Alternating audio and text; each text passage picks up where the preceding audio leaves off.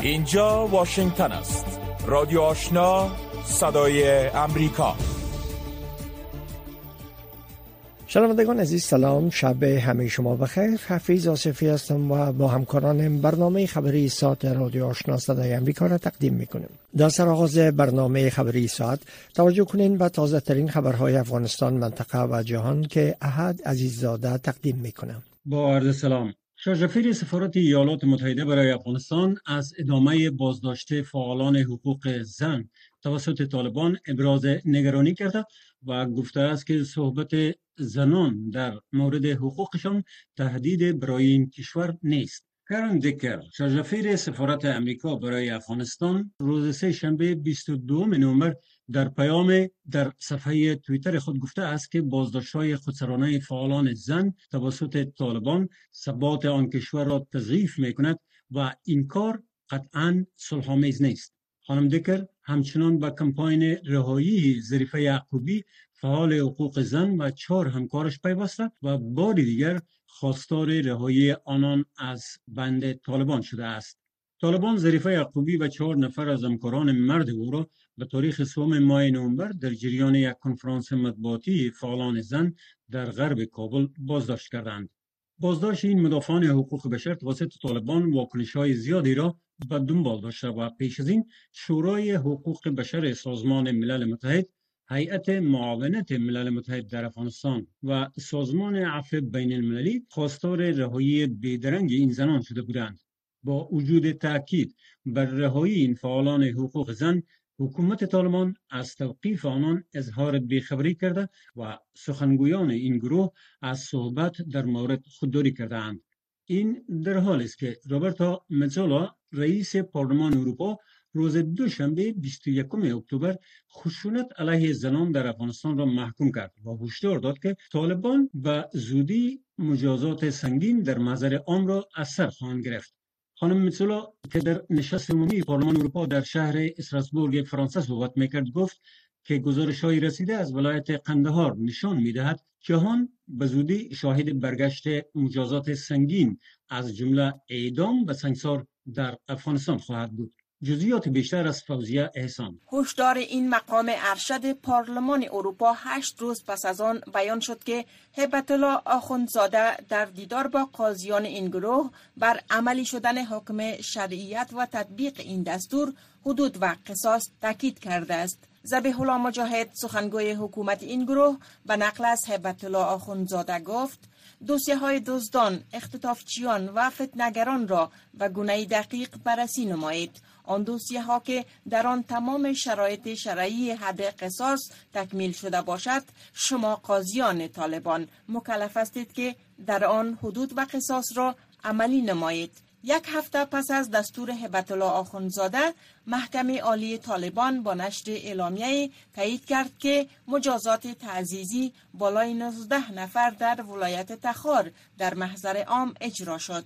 طالبان در زمان حکمرانیشان بین سالهای 1996 و 2001 میلادی نیز نظام شرعی خود را در افغانستان اجرا می کردند. متهمان به قتل را در محضر عام قصاص می کردند. دستان متهمان و محکومان به دزدی را قطع کرده و در بعضی موارد صورتهایشان را سیاه کرده و در شهر میگشتاندند و قرار گزارش های رسیده به قبل از رادیو آزادی محکمه عالی به رهبری طالبان می‌گوید که 19 نفر در ولایت تخار در شمال آن کشور شلاق خوردند رویترز گزارش داد که در این ماه 19 نفر در شمال شرق افغانستان به طور علنی شلاق خوردند این یکی از اولین نشانه های اصلی این است که این گروه حاکم تفسیر دقیق خود را از شریعت در عدالت کیفری اعمال می کند. همزمان با نگرانی ها از تشدید بحران بشری در جریان زمستان امسال در افغانستان صندوق وجهی سازمان ملل متحد برای کودکان یونیسف می‌گوید که قرار است در ماهای پیشرو برای 111 هزار خانواده نیازمند در این کشور کمک نقدی صورت گیرد. جزئیات بیشتر از نسرین محمود عزیزی یونسف ناوقت روز دوشنبه 21 ماه نوامبر در توییت گفته است که در حال حاضر میلیون ها نفر در افغانستان قادر به تأمین نیازهای اولیه خود نیستند و اوضاع در زمستان پیشرو بیشتر از این بدتر خواهد شد. یونوسف ادامه کمک های نقدی به خانواده ها را یکی از بهترین راه برای رسیدگی به نیازمندان و جلوگیری از تشدید بحران بشری در آن کشور عنوان کرده و افزوده است که به تلاشهایش برای حمایت از خانواده های نادار در سراسر آن کشور ادامه می دهد. یونوسف در حال از ادامه کمک های نقدی به نیازمندان در افغانستان خبر داده است که پیش از این کمشنری عالی سازمان ملل متحد در امور پناهندگان یا UNHCR گفته بود که از آغاز امسال بدین سو برای بیش از 4.6 میلیون نفر پول نقد توزیع کرده است. به گفته این اداره ملل متحد روند بررسی برای کمک به خانواده های نیازمند در سراسر آن کشور جریان دارد و تا کنون یک یک میلیون نفر مستحق کمک های بشر دوستانه شناسایی شده اند. بورد صندوق امانت که برای نظارت بر حدود 3 میلیارد و 500 میلیون دلار افغانستان در سوئیس ایجاد شده برای نخستین بار به روز دوشنبه در شهر ژنو تشکیل جلسه داد. این هیئت در نخستین نشست خود با اصل ریاست مشترک این صندوق پولی از سوی هیئت متشکل از نمایندگان ایالات متحده سوئیس و دو مقام پیشین افغانستان و همچنین ایجاد کمیته مشورتی افغان توافق کرد. وزارت مالیه ایالات متحده با نشر اعلامیه گفته است که این ایت معتمد همچنین توافق کرد تا سرمایه گذاری های محتاطانه را برای محافظت از دارایی های این صندوق انجام دهد. علاوه بر آن این هیئت توافق کرد تا روند پرداخت های بالقوه و روند استخدام رئیس اجرایی این صندوق را آغاز کند. ادامه اخبار از رادیوشنا صدای امریکا رسانه های دولتی ایران گزارش دادند که حکومت آن کشور به سازمان بین المللی انرژی اطلاع داده که غنیسازی یورانیم 60 درصدی را آغاز کرده است. خبرگزاری نیمه دولتی اسنا گزارش داده که ایران طی نامه در مورد غنیسازی 60 درصدی یورانیم در یکی از تأسیسات هسته‌ای آن کشور به سازمان بین المللی انرژی اتمی خبر داده است.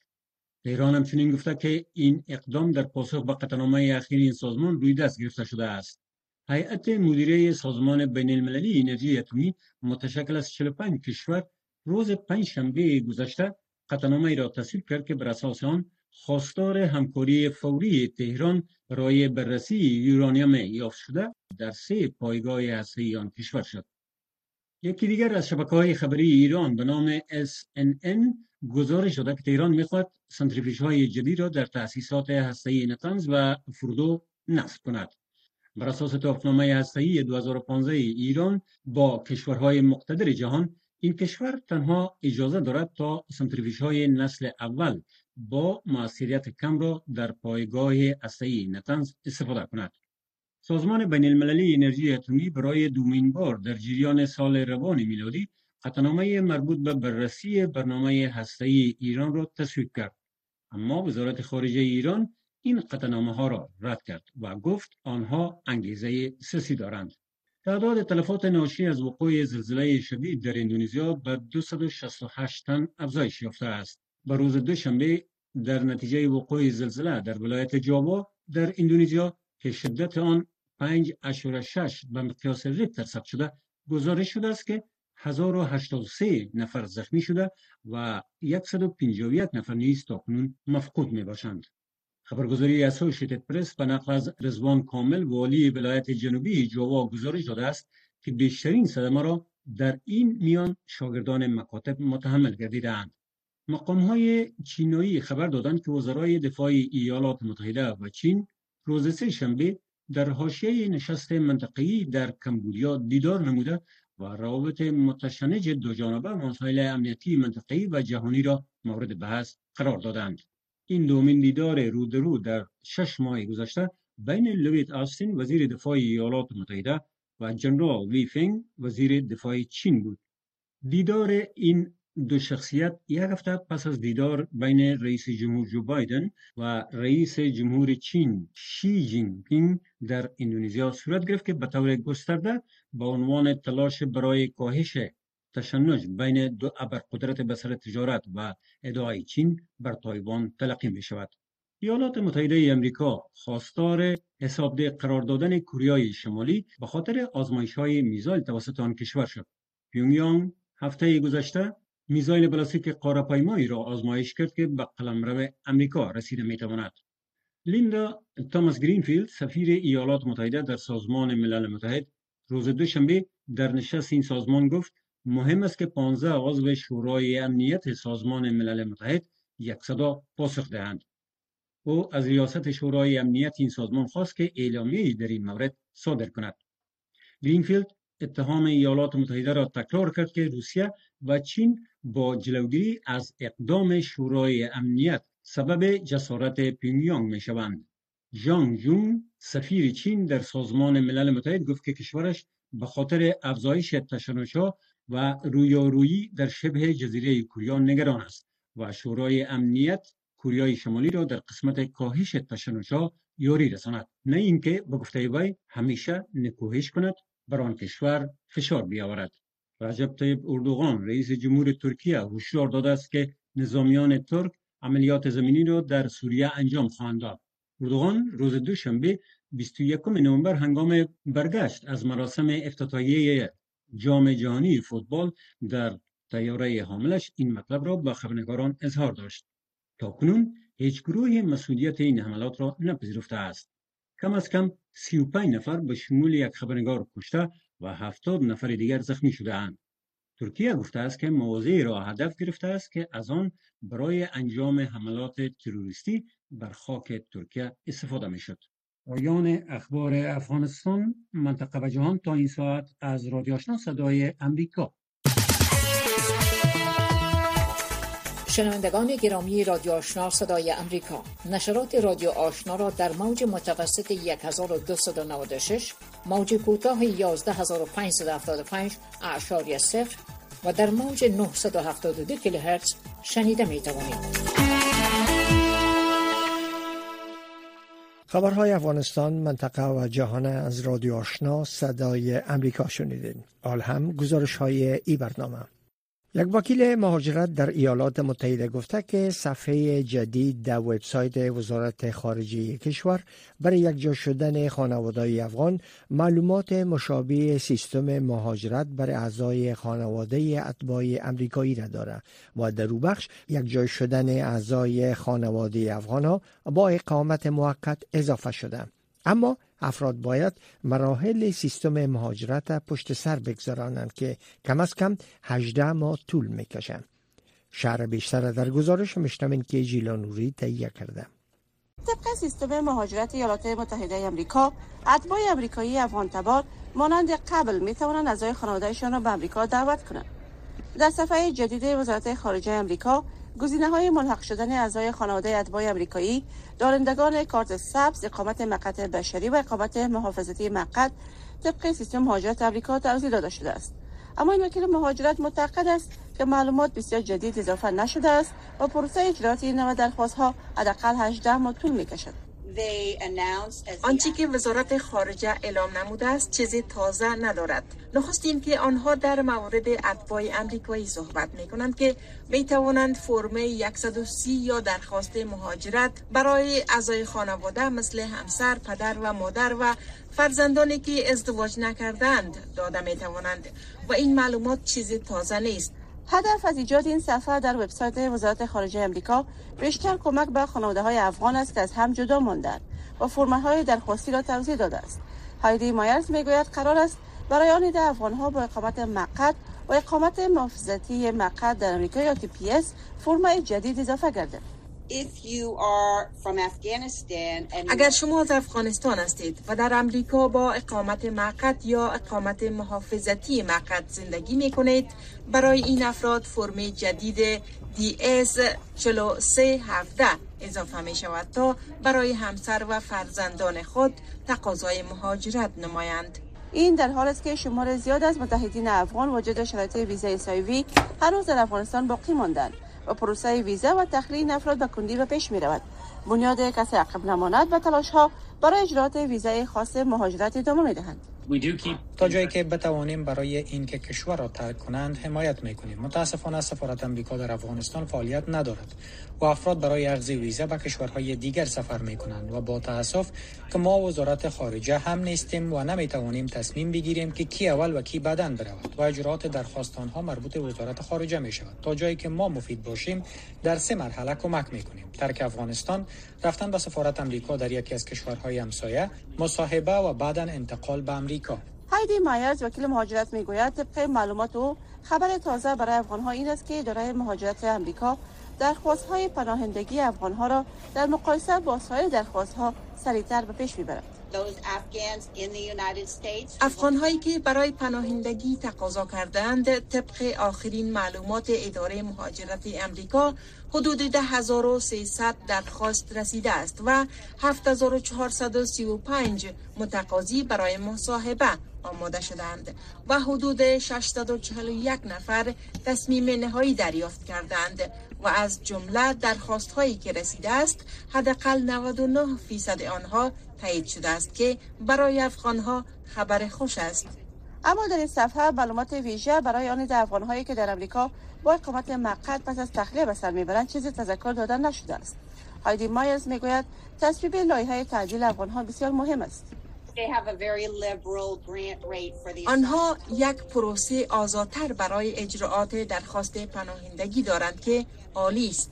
اما با آن هم و تصویب لایحه تعدیل اقامت افغان ها نیاز داریم به خاطر که پروسه پناهندگی زمانگیر است و برای این کار متقاضی باید وکیل بگیرد به خاطر که در سیستم مهاجرت درخواست پناهندگی گیر ماندند. ما می خواهیم افغان هایی که در امریکا هستند به طور مستقیم بدون طی کردن پروسه پناهندگی گرین کارت بگیرند.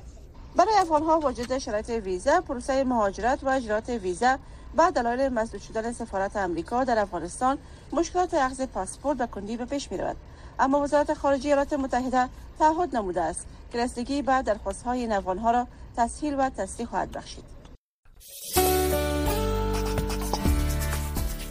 شنوندگان گرامی رادیو آشنا صدای امریکا نشرات رادیو آشنا را در موج متوسط 1296 موج کوتاه 11575 اشاری صفر و در موج 972 کیلوهرتز شنیده می توانید.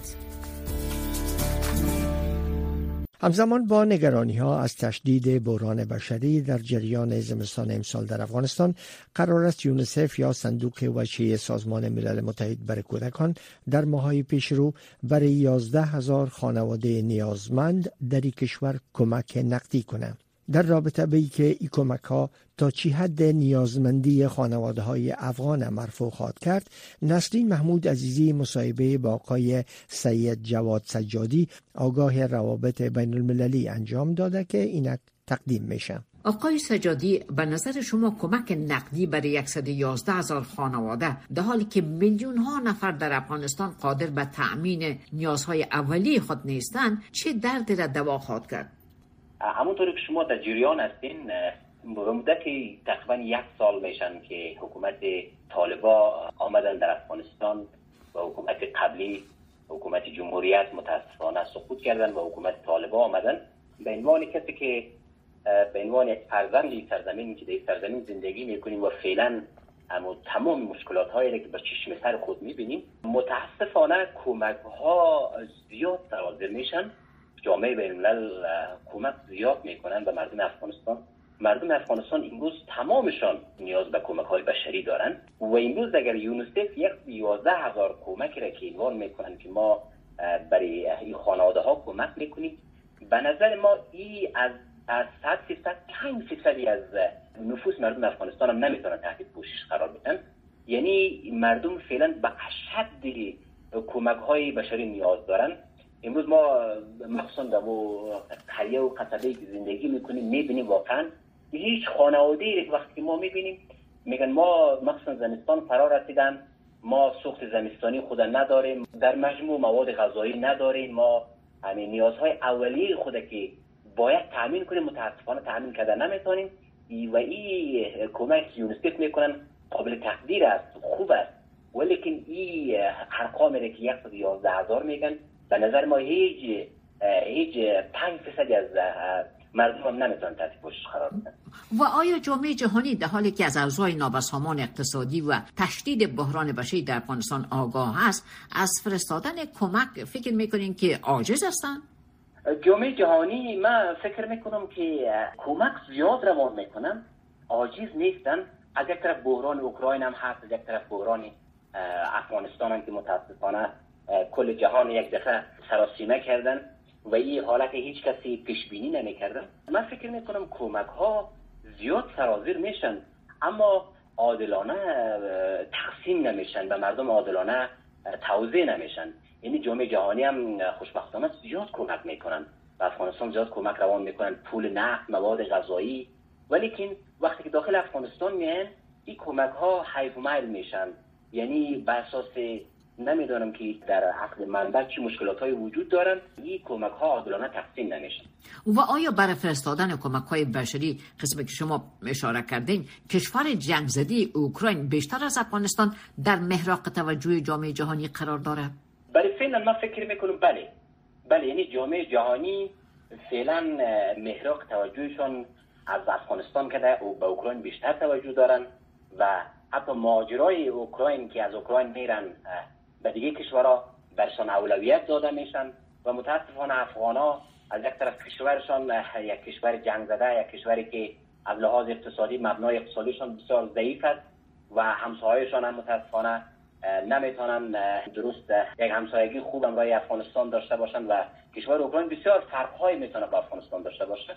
از خاطر ما فکر می‌کنیم که یعنی او محراق توجهی که اوکراین داره جامعه بین به او بیشتر توجه داره متاسفانه به افغانستان نداره. پس رای حل اساسی چی است؟ تا چی و خانواده ها دست نگر کمک های بشری باشند؟ به نظر من راه حل اساسی است که ما اول از درون از درون یک یک اجماع سیاسی صورت بگیرن و حکومت طالبان کل جهان کل کشورها به رسمیت بشناسن و بعد از او میشه که یک روابط دیپلماتیک برقرار شد. همراه کل کشورها. و او زمان که از یک میکانیزم یک channel یک چینلی که واقعا استاندارد باشن از او طریق کمک ها سرازیر شوند. و او زمان که من فکر می‌کنم که کل کشورها کمک می‌کنن چه کمک نقدی هر نوع کمکی که نیاز باشن کشورها وقتی که حکومت طالبان را به رسمیت یا یک حکومت همه شمول ایجاد شوند او زمان به نظر ما فکر می‌کنم که این مشکل حل خواهد شد. در غیر صورت من فکر نکنم این مشکل هرچه کمک هم سرازیر شوند این مشکلات برطرف نخواهد شد. تشکر از وقت شما. رادیو آشنا صدای امریکا هفت روز هفته. خبر و گزارش ها و تحلیل های خبری روز. محمد هاشم دانش تحلیلگر امور سیاسی به این باور است که پاکستان همواره با ماجران افغان رفتار خشونت آمیز در مرزها داشته و نیز در امتداد خط دیورند و خاک افغانستان تأسیسات را بنا می‌کنه که سبب مناقشه میان نیروهای مرزی میشه. آقای دانش به صدای امریکا گفت که ادعای پاکستان مبنی بر که نگران فعالیت های دهشت افغانی از خاک افغانستان است ادعای نادرست است. توجه کنین به این مصاحبه که لینا روزبی با آقای دانش انجام داده. که می‌کنین که این درگیری ها که بار دیگر در اون باز هم سربازان پاکستانی تلفات داشتن باعث تغییر مشی پاکستان به سمت طالبان شود به هیچ عنوان پاکستان در طول تاریخ از بنادری که به افغانستان دارد به مسابقه یک حربه سیاسی از استفاده کردد نه که به مسابقه یک رای ترانزیتی و تجاری. هر آن وقتی که روابط دیپلماتیکش به افغانستان خوب بوده بنادر باز است هیچ مشکلی وجود نداره.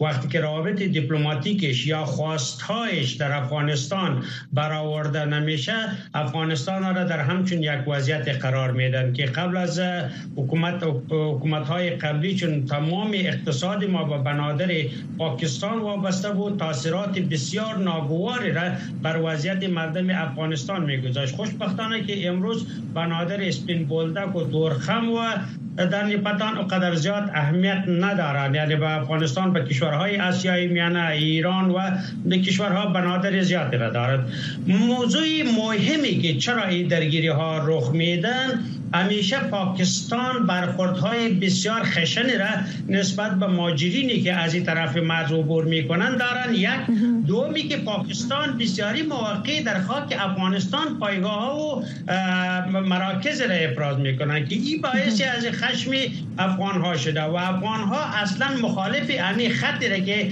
اشرف غنی در وقت خود قبول کرده و خط سیمی خاردار کشانده با این افغان ها مخالف هستند. یعنی حکومت طالبا هم ایره نمیپذیره. اینمی مسائل وارد مناقشه هست بله حکومت پاکستان دلیل ای تشدید حضور خود در خط میان او کشور و افغانستان نگرانی های امنیتی ابراز داشته. به نظر شما این های مداوم در بین حکومت طالبان و پاکستان می‌تونه که طالبان را بیشتر علیه حکومت پاکستان تحریک کنه؟ ببینید در طول تاریخ پاکستان مانند غده سرطان برای افغانستان خطرات و ضرر بسیار زیاد رسیده. پاکستان یگانه منبع و تنبیل و جای ترنینگ تمام گروپ های توریستی کشورها به شمول افغانستان و کشورهای آسیای میانه بود. بسیار جای شرم است که امروز پاکستان میگه که ما احساس خطر می‌کنیم. در حالی که این گروپ ها کلا در دامان پاکستان تربیه شده. چگونه کسی که در دامان خود تربیه شده بر خودت احساس خطر باشد. این گپا ناممکن است و دلیلی نمی‌تونه باشه ولی بله. اصلی موضوع است که پاکستان خط دیورند را میخه رسمیت ببخشه و این یک مناقشه تاریخی است که بین افغانستان و پاکستان مانده و این مناقشه را جزی از اختلافات ذاتی بین پاکستان و افغانستان در طول تاریخ یگانه چیزی که پاکستان نمیخه افغانستان یک حکومت قوی و باثبات را داشته باشد. دلیلش است که وقت خط دیورن در ملل متحد ختم است یک دعوای حقوقی است افغان ها می‌تونه این دعوا را پیش ببره. به این لحاظ بله. پاکستانی ها تلاش می‌کنه که حکومت های دسترسنده خود بیاره بله. حکومت تازه که در پاکستان روی کار آمده. مقامات از او بلاول بوتو زرداری وزیر خارجه پاکستان به روز جمعه گفت که پاکستان برای به رسمیت شناختن حکومت طالبان به تنهایی عمل نخواهد کرد. و نماینده پاکستان در ملل متحد هم گفت که او کشور شدیدا نگران رشد افرادگرایان در افغانستان است. برای شما حکومت تازه پاکستان مش متفاوت را با حکومت سابق در قبال طالبان اتخاذ خواهد کرد. به هیچ عنوان یگانه چیزی که پاکستان بسیار حراس ازی دارد چون خودش در وضعیت بسیار بدی اقتصادی قرار دارد هیچ وقت یک حرکتی را نمی‌تونه بکنه که ردیف ایالات متحده یعنی به خوش خود ایالات متحده امریکا نباشد.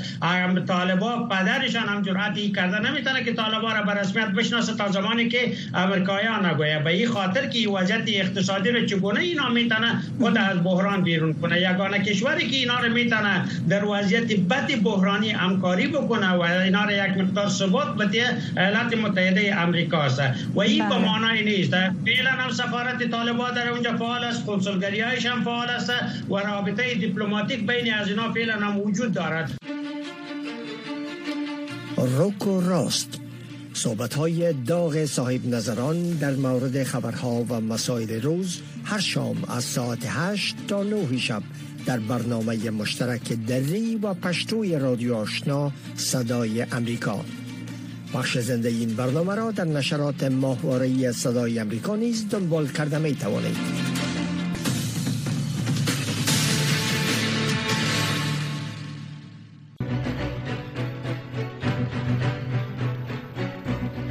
شنوندگان عزیز ای بود داشته های برنامه خبری که در همینجا به پایان رسید. اما نشرات پشتو و دری رادیو آشنا صدای امریکا همچنان ادامه داره شنونده رادیو آشنا باشید.